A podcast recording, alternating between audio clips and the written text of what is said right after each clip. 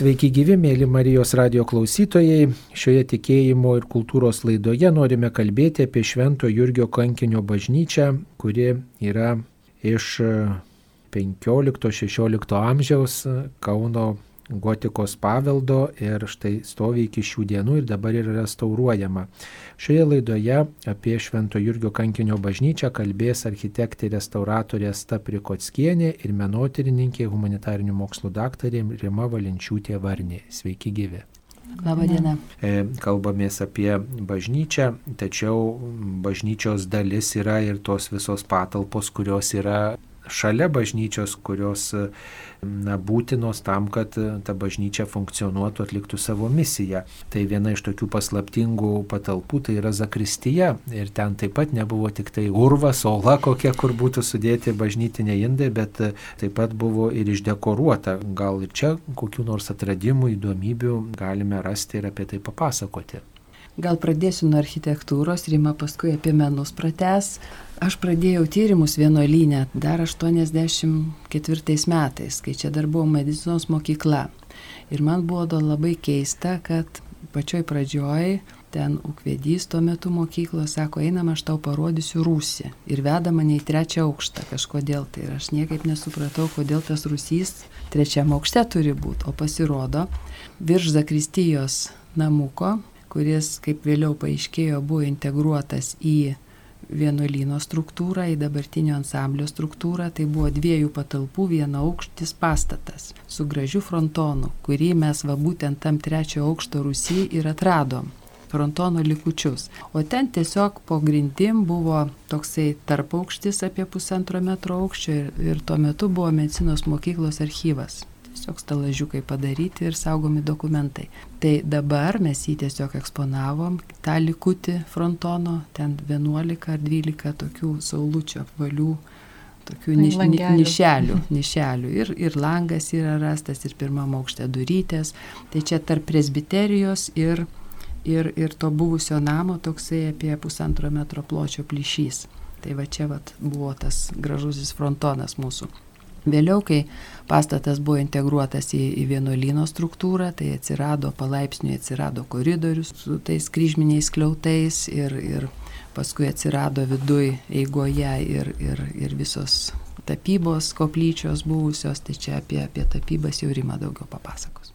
Tai kaip ir spėjama, kad tai yra pirmasis pastatas, kurį galbūt dar broliai gavo dovanų, dovanų nuo įsikūrimui Taip, Stanislavas Sudivojaičio, nes min, jisai mini, kad 1471 metais, kad dovanojo savo dvarą su sodu, ir, kur tas sodas tęsiasi iki, iki Nemono ir Nerės santokos. Visas tas kampas priklausė, buvo dovanotas Bernardinams. Tai pat ir manoma, ir iš archeologinių, kad nuo šitos zakristijos dabartinės prasidėjo visas vienuolino statyba. Visa. Ir kas įstabiausia, kad tos sienos yra žymiai storesnės negu likusiame vienuolyne. Ir man čia jau astos yra atradimai, kad manoma, kad vienoje e, toje patalpoje, dabartinėje, toje pietinėje zakristijoje buvo koplyčia, o šalia buvo mažytė, ta šiaurinė dabartinė zakristija buvo zakristija, o vėliau broliai prisistatė antrą, antrą aukštą, aukštą kuriame gyveno. Ir pat jau tie gražus frontonai, buvo toksai mažiukas namukas prie Kauno pilies. Mhm. Ir nu, vat, jame gyveno ir tada statėsi vienuolyną ir, ir bažnyčią. O Zakristijos sienų tapyba, užrašai kokie yra, apie ką jie byloja? Tai kai 2016 metais prasidėjo jau, jau polichromijos sienų tapybos restauracija, nes architektūros restauracija nuo 2013 metų, tai labai baisi tavo talpa buvo, nes rasti ta, iki 21 sluoksnio, tarp jų ir tapyba, ir užtinkavimai, e, tikrai labai daug, nežinau, turbūt gausiausias. Gausiausiai. Kiekis taip, Kaune. Reikšmiškai. Taip, 21 sluoksnis. Ir jie, kadangi labai fragmentai lygia, labai persipinę jie, nu, buvo tikrai labai sunku susiprasti, kas, kas yra kas. Bet e, panašu, kad vat, dirbant kartu su restauratoriais, tiesiog petis petin ant pastolių ir, ir su astos pagalba, susiviniojo, išsiviniojo kažkokia tokia istorija, kaip, kaip tas interjeras keitėsi. Tai panašu, kad tokie radome keturis e, tapybinius sluoksnius, tai yra kai, keturi laikotarpiai, kai Zakristija buvo ištapyta ir, aišku, kelis kartus jinai buvo tiesiog dar perdažyta baltais e, kalkiniais dažais ir taip pat jau vėlesniais laikais trafaretinė tapyba. Kadangi nei vienas sluoksnis nebuvo išlikęs labai gerai, negalėjom kažkokio vieno rodyti, tai nusprendėm rodyti viską, ką radom. Tiesiog jeigu kažką radom, tai giliau nebesikapstėm, palikom kaip yra, kadangi tiek pat keturi tapybiniai sluoksniai, jie yra panašus tie gamtiniai pigmentai naudojami, tai jie tarpusavį dera, jie nu, nesipeša tarpusavį. Ir mes kažkaip taip pat galėjom ganėtinai sakyčiau, pavykusiai. Išsprendėm tą klausimą, mes rodom viską, ką radom, visus sluoksnius. Tai Pirmiausia, tas seniausias sluoksnis yra iš 15 amžiaus pabaigos, 16 amžiaus pradžios, bet, bet ta pir, pirmoji ta zakristyja, bet jau zakristyja, nes pietiniai pusėje buvo didžiulis lang, langas ir jisai užmūrytas ir jau ant užmūryto lango rastas pirmasis sluoksnis. Reiškia, prasitėsi vienuolynas į tą pusę, vienuolino korpusą į tą pusę pristatyti ir todėl langas užmūrytas, jis buvo nebereikalingas ir tada visa ta zakristyja ištapyta. Iš to sluoksnio yra labai tokie, sakykime, tik fragmentai, pats tinkas yra išlikęs, e, sakyčiau, labai gerai. Čia va ta senoji dar technologija, kaip sakote, tas ir kiaušinio baltymas, nes jis tikrai labai tvirtas, tik tai labai gaila, bet pigmentas, pats dažas yra nusiplovęs. Nes po to, kai bažnyčia, vienuolynas buvo pastatytas, jis labai trumpai buvo tas gerasis etapas. Tada prasidėjo reformacija ir vienuolynas tiesiog į nuopolį tokį reformacijos banga, vienuolinė vienu metu buvo vienas vienuolis likęs tik tai ir, ir tas pasimirė, ir miestiečiai užgrobė ir vienuolino žemės, ir teko vienuoliams išsiparduoti didžiąją dalį savo turto, taurės ir, ir knygas, tam, kad tiesiog pragyventų. Ir matyt, tuo laikotarpiu pati ta, matosi tiesiog, kad ta patalpa labai nukentėjo, nes ir nuvarvėjimai, ir nupelyjimai, užpelyjimai matosi, ir kad 70 metų ta patalpa buvo net naujinama. Jis labai nukentėjo stipriai. Bet vis tiek mes galime pamatyti, kad ta pačia buvo ištapyta, žinote, kaip panelis toksai, apatinė juosta nutapyta, viršų yra šviesiau. Tai va, tie dalykai matosi ir vienoje vietoje dar matosi tokie tiesiog pėtsakai, sakykime, šešėliai, kad buvo kažkas nutapyta. Kas nutapyta, dėjo mes jau turbūt nesužinosim, nebent technologijos ištobulėtų ir kažkaip tai dar um, atrastumėm. O daugiau buvo vis tiek įspėjimai kažkokie yra, ar tai Evangelijos siužetai, ar kažkokie tekstai užrašyti, ar šiaip žmonių gyvenimas, brolių gyvenimas, ar Jėzaus istorijos kažkokios detalės. Tai iš to pirmojo etapo kol kas gal ten rožinis pavaizduotas, bet tik tokie va šešėliai. Tačiau yra kiti laikotarpiai, kurie tokie truputėlį iškalbingesni sienų tapybos atžvilgių. Tai jau kai bažnyčia pradėjo atsigauti, kai atėjo kontrreformacija, kai vienuolynas vėl atsikūrė ir vėl pradėjo aukti ir klėstėti, Tai 16 e, amžiaus pabaigoje, 17 amžiaus pradžioje jis buvo vėl ištapytas ir iš tos sluoksnio mes turime labai gražią sienų tapybą. E, virš durų vakarinėje pusėje yra Jėzaus monograma ištapyta, po ją yra tekstas lotynų kalba, tokiu maneristiniu šriftu. Portalas, įėjimas tas pagrindinis į Zakristiją puikiai ištapytas. Ant kitos sienos mes radome Marijos monogramą ir paukščiai, lesantis vynogės tokia kristologinė simbolika, bet to pačiu Marija kaip tas gyvybės šaltinis. Ir gali būti, kad ant priešingos sienos buvo e, Pranciškus monograma, nes tokia ikonografija yra dažna pas Pranciškonus, kad Jėzus, Marija ir Pranciškus kad glorija tenais buvo tikrai, nes mes radome fragmentuką, bet dėje jį dengia vėlesnis, nu, ne dėje, dengia vėlesnis sluoksnį ir giliau tada nebeieškojame. Tiesiog spėjimas, kad ten galėjo būti mm, pranciškaus dar monograma. Ir taip pat čia jau archeolo, architektūrinių tyrimų metu atrastas portalas, kuris buvo XIX amžiuje užmūrytas ir jame išlikusi tapyba. Ir niša taip pat sutapyta, sutapyba rasta. Deja, bet Bažnyčia ir, ir vienuolyną niokojo gaisrai ir po 1624 metų gaisro e, Zakristija taip pat nukentėjo ir tuo etapu panašu, kad jinai buvo pertapita ir tokiu labai mums buvo netikėtas, bent jau man asmeniškai tai tikrai taip, jinai visa buvo nudažyta juodai. Tai ne gaisro, tai ne, ne pelėsio kažkokia tai pasiekmė, tiesiog cheminiai tyrimai parodė, kad tai pigmentas yra sumaišytas su, su tinku ir apatinė dalis buvo tokia šviesesnė, o link skliautų į viršų tamsėjanti. Ir tame tamsiame dar kažkas, tai dar tamsiau ištapyta. Lyg monstrancijos e, kažkokie spinduliai, tekstų fragmentai. Radom e, du tokius, tiesiog porą žodžių vienoje sienoje, bet jie tiesiog ir buvo pabiri, nes... E, lotynų kalba. Lotynų kalba, taip, lotynų kalba. Ir kokie tai žodžiai? Vat dabar aišku, na mes, lotinistai, aš tiesiog kreipiausi į Liudą Jovaišą, kad kas tai per tekstai, nes vieną mes perskaitėm trofėjum, o kitas yra panašu, kad Digna Koli, e, bet tai ir buvo fragmentai. Tiesiog vienuoliams matyt, tiesiog tie, tos citatos jos iš karto iššaukdavo tą išsamesnį tekstą ir ne, nebuvo reikalo viso teksto rašyti. Ant kitų sienų taip pat buvo, bet tiesiog tas tamsus tamsame neįmanoma perskaityti, kas tai parašyta. Ir reikia dar paminėti, kad Zakristijoje XIX amžiaus e, viduryje skliautai buvo. Kryžminis kliautas. Buvo kryžminis kliautas visas nudaužytas ir padaryta plokščia perdanga. Tai šiandien mes turime Zakristijoje tik tai sienas ir neturime visiškai skliautų. Turime tapybą tik ant sienų, o ne ant skliautų. O dėl kokios priežasties buvo nudaužyti skliautai? Pažeminta patalpa ir paaukštinta antram aukšte esanti patalpa. Tiesiog toks skliautų sąskaita. Taip. Tai va, bet tas juodasis sluoksnis, kaip mes jį vadiname, Jisai turbūt labai nukentėjo 17 amžiaus vidurio karo su Maskva metu, nes tiesiog šaltiniai liūdija, kad vienuolynas labai stipriai buvo nunekotas ir tuo metu Kaunas apskritai pelenais paleistas, praktiškai tik dvi bažnyčios liko. Ir jau, kai mes maskoliai iškeliavo, kai Kaunas atgautas, vienuoliai, aišku, naujino vienuolyną ir šaltinėse labai tiksliai paminėta, kad 1669 metais ištapyta, nudažyta, kadangi tai lenkiškai parašyta, maliovana, tai gali būti ištapyta, gali būti nudažyta zakristija ir koridorius. Ir mes tą sluoksnį tapdiname su, tai mes darbinis pavadinimas angelų sluoksniu, nes tuo metu visiškas kontrastas tam juodajam sluoksniui, vėl viskas išdažyta šviesiai, tamsėjantis į viršų tokia intensyvėjančia raudona spalva. Ochros e, jame apačioje tokios labai puošnios barokinės gėlių vazos, ant visų sienų po dvi, e, viršuje virš jų muzikuojantis angeliukai, o viršuje turėjo būti kažkokia ta pagrindinė scena.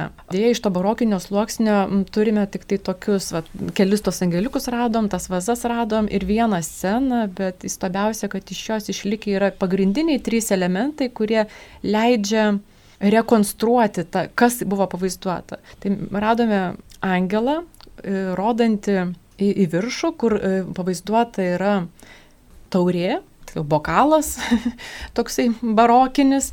Ir kitoje pusėje radome tiesiog šventojo tik tai galvutę. Ir pagal tuos va tris elementus galima uh, suprasti, kad čia vaizduojama yra scena, kur angelas apreiškia šventam pranciškui, rodo šventam pranciškui krištolinę taurę. Kad būtent tokio tyrumo turi būti turi būti kunigas tyras kaip krištolas, e, tam, kad jis galėtų aukoti šventas mišes. Ir iš tikrųjų ta tema nėra labai dažna, bet jinai yra labai tinkama Zakristijoje. Ir tokią pačią sceną mes matome ir pažaislėje. Bet pažaislis buvo ištapytas keliais metais vėliau, negu atsirado tapyba Jurgio e, bažnyčios Zakristijoje. Ir e, kadangi sienos buvo ištapytos, tai šaltinės tai taip ir rašoma, kad baldai stovėjo per vidurį, nes, nu, zakristi yra ta patalpa, kurioje saugomi yra liturginiai reikmenys reikalingi pasiruošti šventoms mišioms. Tai baldai per vidurį, o tapyba ant sienų. Ir dar viena niša buvo, mes jos paskirties dar kol kas iki galo taip neišsiaiškinom, bet jame yra pavaizduota švenčiausias sakramentas Kristaus kraujo taurėje ir ostijos pavydalu taip pat iš to barokinio laikotarpio. Ir aplinkui toksai barokinis aprieminimas. Dar viena patalpa, kuri vienuolynuose paprastai būdavo labai pošni, tai yra refektoriumas, valgomasis, kur vienuoliai valgydavo, nes ten ir svečius reikdavo priimti, ir šventę švesti, ir džiaugtis Dievo dovanom, ir kartu nepasiduoti tokiai persivalgymo pagundai. Tai turbūt irgi to, ta sienų tapyba ir, ir tas visa aplinka turėjo vat, na, kreipti žmogaus mintis į Dievą, ką apie tos patalpos pošybą galėtume pasakyti? Čia gal vėl nuo architektūros? Čia vėlgi, kaip, kaip ir kiekviena patalpa šitam vienuolynė, tai šita patalpa vėlgi e, darbų metu atskleidė mums savo paslapti. Dabar yra skliautai patalpoje, tačiau vidury patalpos pačiam centre mes radom aštuoniakampės kolonos padą. Reiškia, šita patalpa pirmajam laikotarpį, ta aštuoniakampė kolona, tai irgi rodo, kad ir bažnyčioje buvo aštuoniakampės kolonos, turėjo būti pačioje pradžioje gotikinės. Tai šita kolona buvo per vidurį patalpos ir ant jos laikėsi sijos išilgai patalpos, kurios skersai laikė kitas dar plonesnės sijas, tiesiog ta tokia tipinė plokščia medinių lubų konstrukcija. Bet po gaisrų, matyt, tos medinės perdangos jos labai gerai degė, tai tiesiog broliai norėdami išvengti tokių nelaimių ateityje, pirmam aukšte visur ir antram aukšte visur susimūrijo skliautus. Tai mes tą koloną tiesiog palikom kaip po tokį elementą, e, uždengėm stiklu ir padarėm tam tikrą aprieminimą, kad visi ateityje atėję pamatytų va, tą pradinį tašką šitos patalpos. O dabar ant skliautų tai tiesiog irgi jau nuo senų laikų, nuo tarybinių metų, kai buvo čia buvo šitos medicinos mokyklos salė padaryta šitoj patalpoj, tai jau buvo trupučiukas kliautai tyrinėti ir matėsi, kad juose yra tapybos elementų, kad jie yra ištapyti. Tačiau labai ilgą laiką buvo uždažyti ir, ir, ir niekas nežinojo daugiau, kas ten. Ir tik tai dabar vat, prasidėjus tokiem rimtiem tyrimam atidenginėjami ir baigėme atidengti būklė yra šiaip savo, sakyčiau, tokia. Nu, dabar jau nebloga. Bet, bet, bet vis tiek, vat, Rimos pastangų dėka suprasti galima, kas ten yra ir kas ten toliau gali būti. Tai, ką Asta sakė, patvirtinta yra ir šaltiniais, nes yra išlikusi šito konvento knyga, vienuolyno knyga, kur surašyti tie svarbiausi gyvenimo įvykiai ir jinai yra labai vertinga, jinai dabar saugoma Vilniaus universiteto bibliotekos rankrašių skyriuje. Ir tai yra pagrindinis šaltinis, į kurį mes remiamės ir tyrinėjimų metu. Ir paminėta, kad skliautai suskliausti po 1603 metų gaisro. Tai architektūriniai tyrimai tą ir patvirtino ir tą rodo ir, ir sienų tapyba.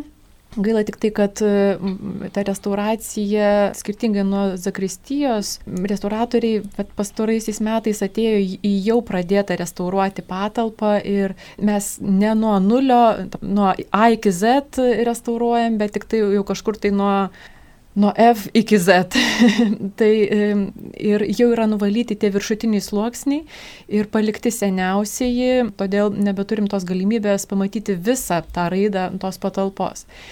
Tai, kas rasta dabar, tai Būtent ir matome, kad po to 1103 metų gaisro buvo sumūryti skliautai ir zakristė ištapyta tokiais šventųjų atvaizdais. Po 1624 metų gaisro, kaip ir Zakristijoje, refektorius buvo nudažytas tamsiai, tie patys vaizdai patamsinti, o kas vyko vėliau, va jau mes nežinome, nes tie sluoksniai jau nuvalyti anksčiau.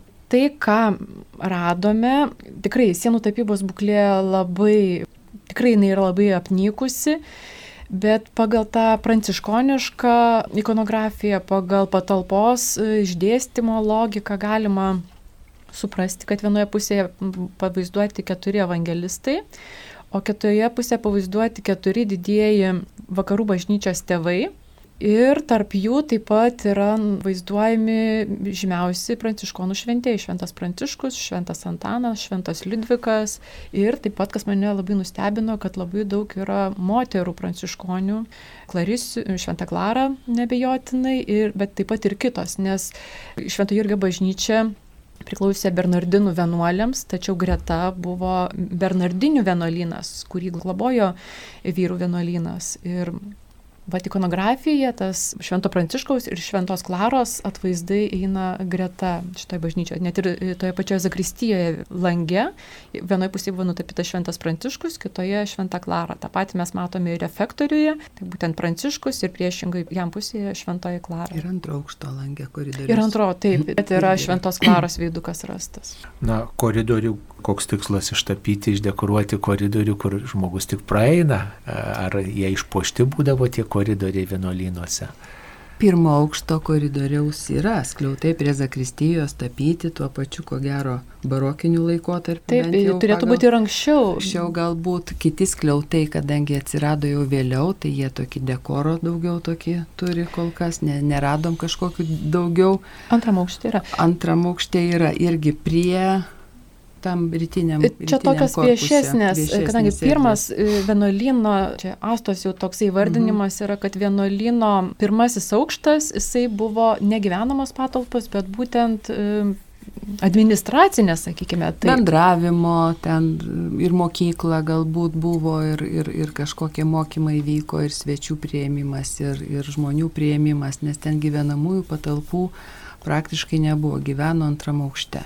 Ten celės buvo įrengtos, nedidukės tokios ir jau ten tokia uždara klauzūra. O tos celės jau išpoštos turbūt nebuvo nei jokiais tapyba. Kel, nei... Keliose celėse radom tokių tiesiog, nu, kaip sakyti, šiais laikais tiesiog, kas um, gyveno, užrašė kažką ant bet sienos. Ne tik tai buvo fragmentų. tokios dvi svarbesnės celės, mm -hmm. tai mhm. provinciolai Ai, taip, taip, ir tai bardijonai, tai, tai tos jau puošnesnės. Ir taip pat antram aukšte buvo biblioteka, taip, taip, taip. bet tapybos mm -hmm. nerasta, bet aš tikiu, kad ten dar yra. o pirmajame aukšte tai reikia nepamiršti, kad pranciškonų vienuolynuose vykdavo procesijos kryžiaus kelio stočių aplink pirmąjį aukštą tiesiog ratu buvo apeinama ta galerija. Restauracija dar laukia šitų patalpų, e, tikrai sienų tapybos yra, kas tenais ir kokios būklės, tai sužinosime ateityje. Tai koridorių, biblioteka, kokias patalpas dar reikės restauruoti? Nu, kaip įsivardytom, kur yra kapitulo salė. Kapitulos uh mhm. -huh. pirmam aukšte taip pat, jinai tokia labiausiai, viena irgi pošniausiai taip. patalpų ir ten tikrai labai daug, 14 berot sienų tapybos sluoksnių. Tačiau vėlgi vyko keliais etapais restauracija atidengta, bet taip truputį dar ne iki galo užbaigta, bet nu, tiesiog ankstesniais laikais. Ir Čia vėlgi tokia įdomi patalpa, čia buvo medicinos mokyklos laikais buvo įėjimas, koridorius, o šalia dar toksai sandėliukas prie mm, valgyklos. Tai būtent vat, šita vieta plytelėmis išklijuota, plytelėmis išklijuota iki, iki aukštai, iki dviejų metrų ko gero aukščio. Tai tiesiog visai atsitiktinai, pradėjus darbus, pradėjus tvarkyti patalpas, pasimatė virš pertvaros, pasimatė kažkoks šešėlis spalvotas ir tiesiog pasidarėm zondažą ir, ir pasirodo, kad ten angeliuko galvytė išryškėjo. Tai teko keisti projektą ir, ir planus ir, ir tą patalpą skirti. Mes ten buvom nenumatę kažkokių radikalių griovimų ir keitimų, bet kai atsirado tokie, vat, nu, iš tikrųjų išskirtiniai dalykai, tai pakeitėm projektą ir šita patalpa dabar paskirta svečių namų recepcijai, kad visi atėję į vienuolyną apsigyventi žmonės matytų, kur jie pateko iš karto nuo pirmos patalpos, matytų, kas čia yra. Ir tai 17 amžiaus pirmos pusės tapyba tikrai tokia labai, Dekoro ir labai gerai ar, ar kokia scena nutapyta. Čia toks priešokiais tyrinėjimais dar vis laukiam, kad gal kažkaip tai -hmm, užbaigsim mm -hmm. tą restauraciją. Iš tikrųjų, languose buvo pagrindinė kenčiančia Jėzaus scena, šalia jo yra kairėje pavaizduota sopulingoji Dievo motina, dešinėje, kuri dabar yra kitoj patalpoje už sienos atsidūrusi, dar neatidengta, tiesiog va, tos pirminės idėjos dar nematyta, bet va, ta ikonografija jinai padeda net patalpas suprasti, kad jos kitaip buvo užmanytos, ten turėjo būti šventas pranciškus. O kitoje pusėje pagrindiniai pranciškonų šventieji - šventas Antanas, e, šventas Jonas Kapestranas ir šventas Bernardinas Senietis. Na, kokios patalpos dar neaptarėm, ar kuri dar tokia paslaptinga gal laukia jūsų dėmesio vienuolynė? Vienuolinė, tai aš, Arba aš tikiu, kad tu vienuolino koridoriuose antram aukšte taip pat yra sienų tapybos rasta, tačiau tuo ankstesniu etapu ne mūsų ne mano tyrinėjimų, tai išsamei kol kas ne, negaliu nieko sakyti, bet atradimai iš tikrųjų laukia dar už kiekvieno kampo, nes net kai 2017 metais buvo atnaujinama, restauruojama, perdažomos sienos, tiesiog irgi betinkuojant virš piliorių rado, pasimatė kažkokie šešėliai ir tapybos pėtsakai, tai taip ir palikom ateities restauraciją, panašu, kad ten buvo šventieji kažkokie irgi virš piliorių pavaizduoti. Ir taip pat radom, kad Pilestrų kapiteliuose buvo angeliukai nutapyti, angeliukai ir kiti dekoratyviniai elementai. Tai čia tiesiog reikia labai atsakingai, labai tiesiog kiekvieną sienos plotelį saugant, nes niekada negali žinoti, kas po to balta siena slepiasi. Mūsų šis principas, va, visas tas restauracija čia ganėtinai senai vyksta nuo 95 metų, kai broliai atsiemė vienuolyną ir 2005 bažnyčią atgavo. Tai nuo, nuo tų laikų vyksta po truputį, po truputį ir iš tos pusės labai gerai, kad nėra skubama. Norėtųsi aišku visiems, kad kuo greičiau pamatyti, bet iš kitos pusės labai gerai, kad tos skubos tokios vertimosi per galvą nėra, tai mes galim tiesiog ir patyrinėti ir suvokti, kas svarbiausia. Nes atrandi, bet ne, nebūtinai iš karto supranti, ką atradai. Tai va tas va nuoseklumas toksai kažkoks po truputį ir, ir aš kaip sakau, bažnyčia ir vienuolynas yra gyvas organizmas ir jie po truputį mums atsiskleidžia. Ir, ir galbūt nu, mes labai tikimės, kad mes kažką gerai darom, kad jie mums vis atskleidžia. Kiekvieno prieimo metu vis kažką tai parodo. Kad jūs dar jau galvojam, kad jau mes čia viską žinom. Sako, ne, ne, ne, jūs ne viską žinote. Va dar štai prašom, jums tokią myslę, įspėkit. Ir toksai va tas tam tikras pokalbis su pastatais, tam toksai va bendravimas, jisai labai labai smagus, labai įdomus ir tu kiekvieną kartą praturtėjai tiesiog atėjęs iš tokius pastatus. Tai mums va ir, ir su Rima, ir su kitais restauratoriais labai norisi, kad visi žmonės galėtų kažką tai pamatyti. Ir va dabar trečiam aukšte, kur svečių namų tokios pagrindinės salės, koridorius, kur ten ir, ir konferencijos įvairios vyksta ir, ir žmonės iš viso pasaulio atvažiuoja. Tai tiesiog sukabinom, padarėm specialiai tokią kaip ir pažintis su Bernardinų vienuolynu, su istorija, su, su, su pačiu vienuolynu, su pačiu ordinu. Tiesiog koridoriui pakabinom informacinius tokius paveikslus. Taip, dar vienas dalykas, kuris yra įdomus pranciškonų vienuolynuose, tai tokie uždari kiemeliai. Ir šiame vienuolynė taip pat yra tas vadinamas kloatras, uždaras kiemelis, kokia jo paskirtis ir pagal ką jį atkūrėte, visą tą jo interjerą. Čia vėlgi buvo atradimas tam kiemelį. Man tai buvo iš tikrųjų atradimas, nes pirmo aukšto languose, tai kadangi XIX amžiuje visas tas vienuolynas buvo nutinkuotas, gotika paslėpta, iškirstos tačiakampės langų angos vienodos, Tai tiesiog vat, pradėjus dirbti labai daug ko nežinojom, bet po truputį, po truputį atradom visą struktūrą ir tam vat, kiemelį pirmam aukšte radom, kad pirmo aukšto langai buvo su masverkais. Kas, kas tai yra? Kas, tai yra toksai mūrinis lango rėmas, kaip bažnyčiose vat, būna mūriniai rėmai. Gotikinėse. Gotikinėse ir, ir, ir vėlyvesnėse tiesiog dėl, dėl tų, e, kad ne, ne, nebuvo dedami mediniai langai, bet, bet tiesiog vat, mūrinis toksai rėmas suformuotas ir, ir įstiklintas. Tai gyvenamam pastate aš nesu mačius tokio dalyko. Visur praktiškai tie mediniai, kažkokie mažesni, didesni, bet čia vat, būtent pirmas aukštas. Galbūt tai atėjo iš to, kad kluatrai, pavyzdžiui, Italijoje, Prancūzijoje tai yra atviri, nėra uždaras dalykas, o tiesiog nuo šešėlis, nuo lietaus apieimo toksai koridorius.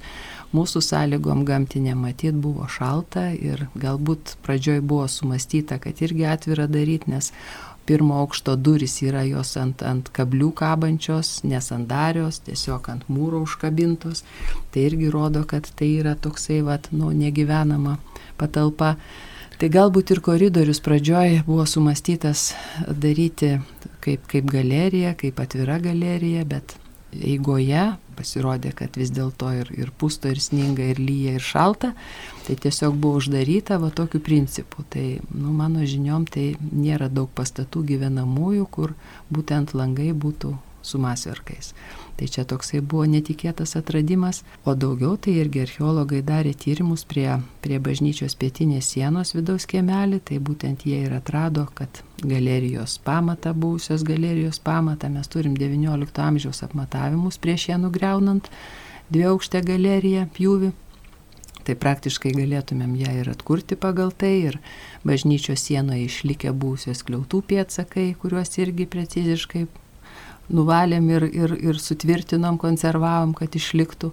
Ir tai rodo, kad tai buvo vidinė patalpa, ne lauko patalpa tiesiog. Ir archeologinių tyrimų metu prie, prie bažnyčios sienos buvo labai daug palaidojimų atkasta. Tai vėlgi netgi ir vaikų palaidota buvo po galerijos grindimis. O vidaus kiemelį irgi labai norėjom rasti, e, turėjo būti centre, nu, tradiciškai šulinys, tačiau irgi buvo jisai perkastas, nes ten medicinos mokyklos laikai stovėjo sporto salė ir, ir, ir dar, dar ketvirtį kiemelio užėmė rūbinę, tai iš to kiemelio dabartinio tik ketvirtukas mažas buvo belikęs tos erdvės. Taip kad statant tos pastatus galbūt buvo šulinys išardytas tiesiog ir kol, kol kas mes jo neradom tas kiemelis turbūt primindavo tokį tarsi mažą rojų ir tas šulnys toks gyvybės tarsi šaltinis. Ir būtent kaip vat, Rimas sakė, ir procesijos aplinkyje eidavo, tai, tai turėjo tikrai didelę prasme. Ir visi Lietuvoje bent esantis. Čia tokia tradicija, taip, tai tradiciškai tai bernardiniškas išdėstymas. Na, turbūt dar yra kažkokių ir slėptuvių vienuolyno sienose, bažnyčios sienose, ypač senoviškose, seniau statytose bažnyčiose tikrai gal e, teko vat, atrasti kažkokią nišą, apie kurią jokiuose dokumentuose nėra užsiminta ir panašiai.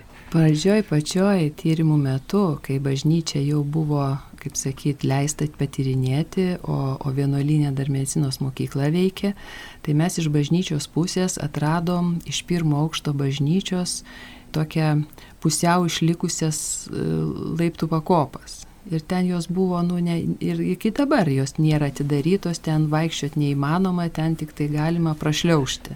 Tai, nu, vis tiek buvo labai įdomu, Ir mes tą pamėginom padaryti ten, kur, kur mus nuves. Ir dabar, kai pagalvoju, nu, tai toks pasiryžimas kažkur tai mūrė šliaužti, kažkur nežinia kur, bet buvo labai įdomu tiesiog. Ir mes ten dviese tyrinėjom ir pamėginom ten nuvingiuoti. Ir, ir tais laiptukais pusiau užmūrytais nusigavom iki antro aukšto ir, ir kadangi buvom dvi su prožektoriais ir šnekamės, kas čia yra ir girdim už sienos irgi kalba, kad ten dėstytojų kambarys buvo ir staiga kažkas tai iš bažnyčios sienos prašneko juos. Tai bet va, tokiu būdu atradom, kad šalia, ten kur mes jau patekom, šalia buvo užmūrytas kambariukas ir jisai pačioj saugiausiai vietoj, antram vienuolyno aukšte, tarp bažnyčios, vienuolyno ir vidaus kiemelio.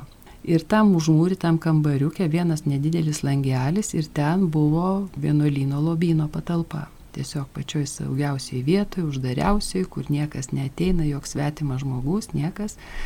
Bet buduris buvo užmūrytos, bet kadangi radom pėtsakus durų, tai jas tiesiog atidarėm, bet dėjai buvo tuščias truputį nusivylė, ar ne? Gerokai, Tuščias lobynas. Gerokai nusivylėm. Beje, šaltiniai sako, kad Napoleono karo metu, kai ten ir kariuomenė vienuolyną buvo užėmusi ir grūdų sandėlis bažnyčioje buvo, kad lobynas išliko nepalestas ir miestiečių skrynios, kurios ten buvo saugotos, jos visos veikos išliko. Nors vienuoliai buvo išvaryti iš vienuolyno 1812 metais ir sugrįžo tik tai 1816, bet vat, ne, laiku, nerado laiku, Napoleono užmūryta ir tiesiog, nu, ten, ten iš tikrųjų struktūra tokia, kad ten, nu, neturint planų, ten niekaip nesuprasi, kad ten kažkas tai gali būti. Tiesiog. Bet kai jau dabar turim apmatavimus gerus, tai tada žinai, kad yra vat, maždaug šito kambario dydžio erdvė, tokia, kuri iš niekur nematoma. tada jau pradedi ieškoti. Galbūt ten kažkas bus. Bet projektuojant ateičiai turbūt irgi verta numatyti tokias vietas, kur galima būtų paslėpti kokius nors lobius vienuolyno. Turim dar tokių vietų, turim dabar. Ačiū Dievui. Dar norėčiau klausti apie šitos bažnyčios Švento Jurgio kankinio bažnyčios kaimynus. Tai viena tokia paslaptinga bažnyčia kitam Nemono krante yra Švento Jono Krikštitojo bažnyčia. Ar ji turėjo kokių sąsajų štai su šią bažnyčią? Apie sąsąją sunku būtų pasakyti. Nu, gotikinė ir ta, ir ta. Tai taip, tai panašių laikotarpių gal pastatyta. Panašių laikotarpių pastatyta, čia apie Zapiškio bažnyčią. Kiek teko domėtis, tai tai yra sapiegų pastatyta bažnyčia ir, ir man kas labai įdomu, tai labai panašios architektūros, kodinas, man atrodo dabar jau pasakyti, yra cerkvė gotikinė cerkvė pastatyta tų pačių sapiegų. Tai viena, viena anuose kraštuose, kita bažnyčia čia. Bet e, sąsaja galbūt e, yra su tom pirmosiom bažnyčiom, bet tai yra mastelis kitas ir struktūra visiškai kita. Čia Jurgio bažnyčia tai yra vienuolyno bažnyčia ir tas labai matosi ir jos, jos pačiam. Išilginta presbiterija. Išilginta presbiterija, kad broliai galėtų būti. Zapiškio bažnytėlė yra mažutė, nedidukė ir jinai tokia daugiau kaip, kaip galbūt pradinė jos paskirtis koplytėlė buvo. Tačiau eigoje, XIX amžiuje ypatingai, jinai turėjo 2000 parapiečių. Tai galima įsivaizduoti, kokia didžiulė parapija aplink buvo. Ir, ir tai yra, nu, kaip sakyti, aplink bažnyčių nebuvo, vėliau išsidalino, išsidalino tą parapiją, pasistatė aplink daugiau bažnyčių, bet, bet pačioj pradžioj tai jinai iš tikrųjų buvo tokia, nu, viena iš tokių pagrindinių ir ypatingai žinant, kad tos bažnyčios statėsi, kaip žinom, Lietuva vėliausiai priėmė krikštą ir buvo nuo, nuo Europos ir, ir dviem ir trim ir keturiais šimtais metais atsilikus ta tema, tai reikėjo, matyt, staigiai reikėjo įrodyti pasauliui ir Europai ypatingai, kad čia jau yra pagaliau krikščioniška šalis. Tai būtent vat prie Nemuno buvo pradėtos statyti bažnyčios, kad plaukdami pirkliai jau matytų, kad jie plaukia ne į pagonišką teritoriją, bet į krikščionišką. Ir vat, jeigu pasižiūrėt ypatingai Kauno e, vakarinę e, išklotinę visą panoramą, tai visos bažnyčios, vaikštant po senamestį, to nesimato. Bet iš Marvelės pusės, iš Nemuno pusės, visos bažnyčios labai gražiai išrikiuotos viena palei kitą ir praktiškai atplaukiant visos bažnyčios matosi. Ne viena, ne dvi, bet visos puikiausiai visi bokštai pasitinka svečius. Ir mums teko šiek tiek palyginti su Europos šalim senaisiais miestais, kurie įsikūrė panašiai panašių laikų kaip Kaunas, galbūt anksčiau šiek tiek. Ten stovi viena, dvi bažnyčios. Pas mus jos yra šešios, man atrodo, senamestyje. Tai vėlgi buvo tikslas įrodyti per negaliu, kad mes jau, jau. Taip, reikia prisiminti, kad tuo metu, reiškia, ta upė buvo kaip kelias. Taip, vieni, autostrada. Nu, autostrada, taip, tai buvo ir, ir uostas, ir laivų daugybė, ir viskas, ir kad kiekvienas jau neturėtų abejonių, kad čia atplaukia į tikrą miestą. Tai vad Zapiškio bažnyčia viena iš tų pačių pirmųjų pasitikdavo. Tai buvo irgi labai svarbi tokia, nu, kaip sakyt, politinė vieta. Na, aišku, kelias gerai, atvykstantis mato gerai, bet kita tokia blogybė mediniam pastatui, o taip pat ir mūriniam, tai yra drėgmė. Štai vyskupas Valančius, svarstydamas apie Vytauto didžiojo bažnyčią, švenčiausios mergelės Marijos ėmimo į dangų bažnyčią, sakė, ką mąstė mūsų protėviai. Negi bažnyčiai sausos vietos neužteko, kad reikėjo statyti prie vandens ir taip arti, sako, taigi potviniai drėgmė, taigi gadina pastatą. Kaip jie nesuprato šito? Vytauto bažnyčia statyta anksčiau. Pagal istorinę medžiagą pranciškonai atsikėlė į Kauną anksčiau ir dar 15 amžiaus pradžioje jie pradėjo statyti. Bernardinai į pabaigą jau nuo 75 metų. Bet dėliojant visą tą struktūrą kūrimosi Kauno, tai ko gero pati pirmoji bažnyčia buvo e, Mikalojaus ant kalvos, dabartinė benediktinių bažnyčia, nes 1503 metais jau yra užrašas toksai, kad e, Mikalojaus bažnyčia jau yra apgriūsi pavargusi. Tai reiškia 16 amžiaus pradžioj, kai Bernardinai tik tik pasistatė, jau bažnytėlė buvo apgriūsi. Ir gali būti, kad nu, va, ta mintis e, atėjo į galvą tada, kai pradėjau nagrinėti išklotinę vakarinę. Nes ta bažnyčia atrodo vėlgi, jinai kažkur dabar pasislėpus, nesimato apstatyta, apaugus medžiais, bet jinai ir dabar matosi nuo nemuno. Ir dabar matosi. Reiškia, dar miestas tik kūrėsi, dar pas mus tai čia vatrotušės aikštė, pagrindinė gyvenvietė buvo aplink pilį, miestiečiai gyveno. Ir nuo pilies į bažnyčią tiesiog ant tos pačios ašies bažnytėlė. Pilis ir bažnytėlė Mykolo ant vienos ašies stovi. Tai reiškia, toj jau pirmojoje gyvenvietėje iškart pas pastatė bažnyčią. Ir tada planavo Rotušės aikštę su visais aplinkiniais kvartalais ir čia vyko statybos. O Vytauto bažnyčia, kadangi uostas čia buvo Nemuno, tai irgi prie pat uosto atplauki ir iškart matai, kad čia jau ir stovi bažnyčia. Ir dėkok tai tas, Dievui iš kelionę. ir dėkok Dievui iš kelionę. Tai va pirklių ir pačioj pradžioj tai ir buvo pirklių bažnyčia. Tai va, tai, tai prie Nemuno dar kitas dalykas. Nemunas dabar pakeitė šiek tiek bagai. Jisai nuplovęs apie, nu, kaip sakyt, spėjama, kokis porą sklypų Nemunas nuplovęs. Jau čia. Į miesto pusę. Į miesto pusę. Atėmęs. Neris atėmus ir, ir Nemunas atėmęs. Tai reiškia, ta bažnyčia nestovėjo visai ant vandens. Jis kažkiek tai per atstumą buvo. Bet jie kažkaip tvarkydavosi su tais potviniais, nes tie potviniai vis tiek dambos, dambos buvo, buvo. Vaikų išneždavo daiktus vertingus. Nu, bet dėl to Jurgio bažnyčia vienolinė ir yra pirmam aukštė, jis yra mūrin. Juodai teptas plytų. smala, smala mhm. tokia teptas kaip... kaip po... Ir plytų grindis. No, tiesiog ne, ne medinės grindis pirmuose aukštuose, o tiesiog, kad... Plytų. Kad, plytų. Kad, kad grybelis mhm. neįsimestų. Tiesiog, vat. Nu, vanduo atėjo ir išėjo. Atėjo, atėjo, atėjo ir išėjo. Tai uh, Jurgio bažnyčia vienolinė vienuolinė, tai ir, ir mano, vat jau tais laikais, kai jau aš pradėjau ten lankytis, tai aš du kartus mačiau potvinį Rusiją. Švento Jurgio vienuolinė. Vienuolinė, taip, Rusija buvo apie virš metro vandens, tai tikrai ir tas vanduo padarydavo nuostolio tom sienom. Nu, tiesiog mūrui. jos sudrėkina sienas, bet jos vėdinasi, išsivedina, praeina kažkiek laiko ir, ir, ir vėl viskas gerai. O tapybai kokia žala? Tapybai blogai. Tapybai blogai, tai apačioje porą, nu, porą metrų ir nėra nieko likęs. Tiesiog visiškai. Nutrupėję. Tinko net nelikė.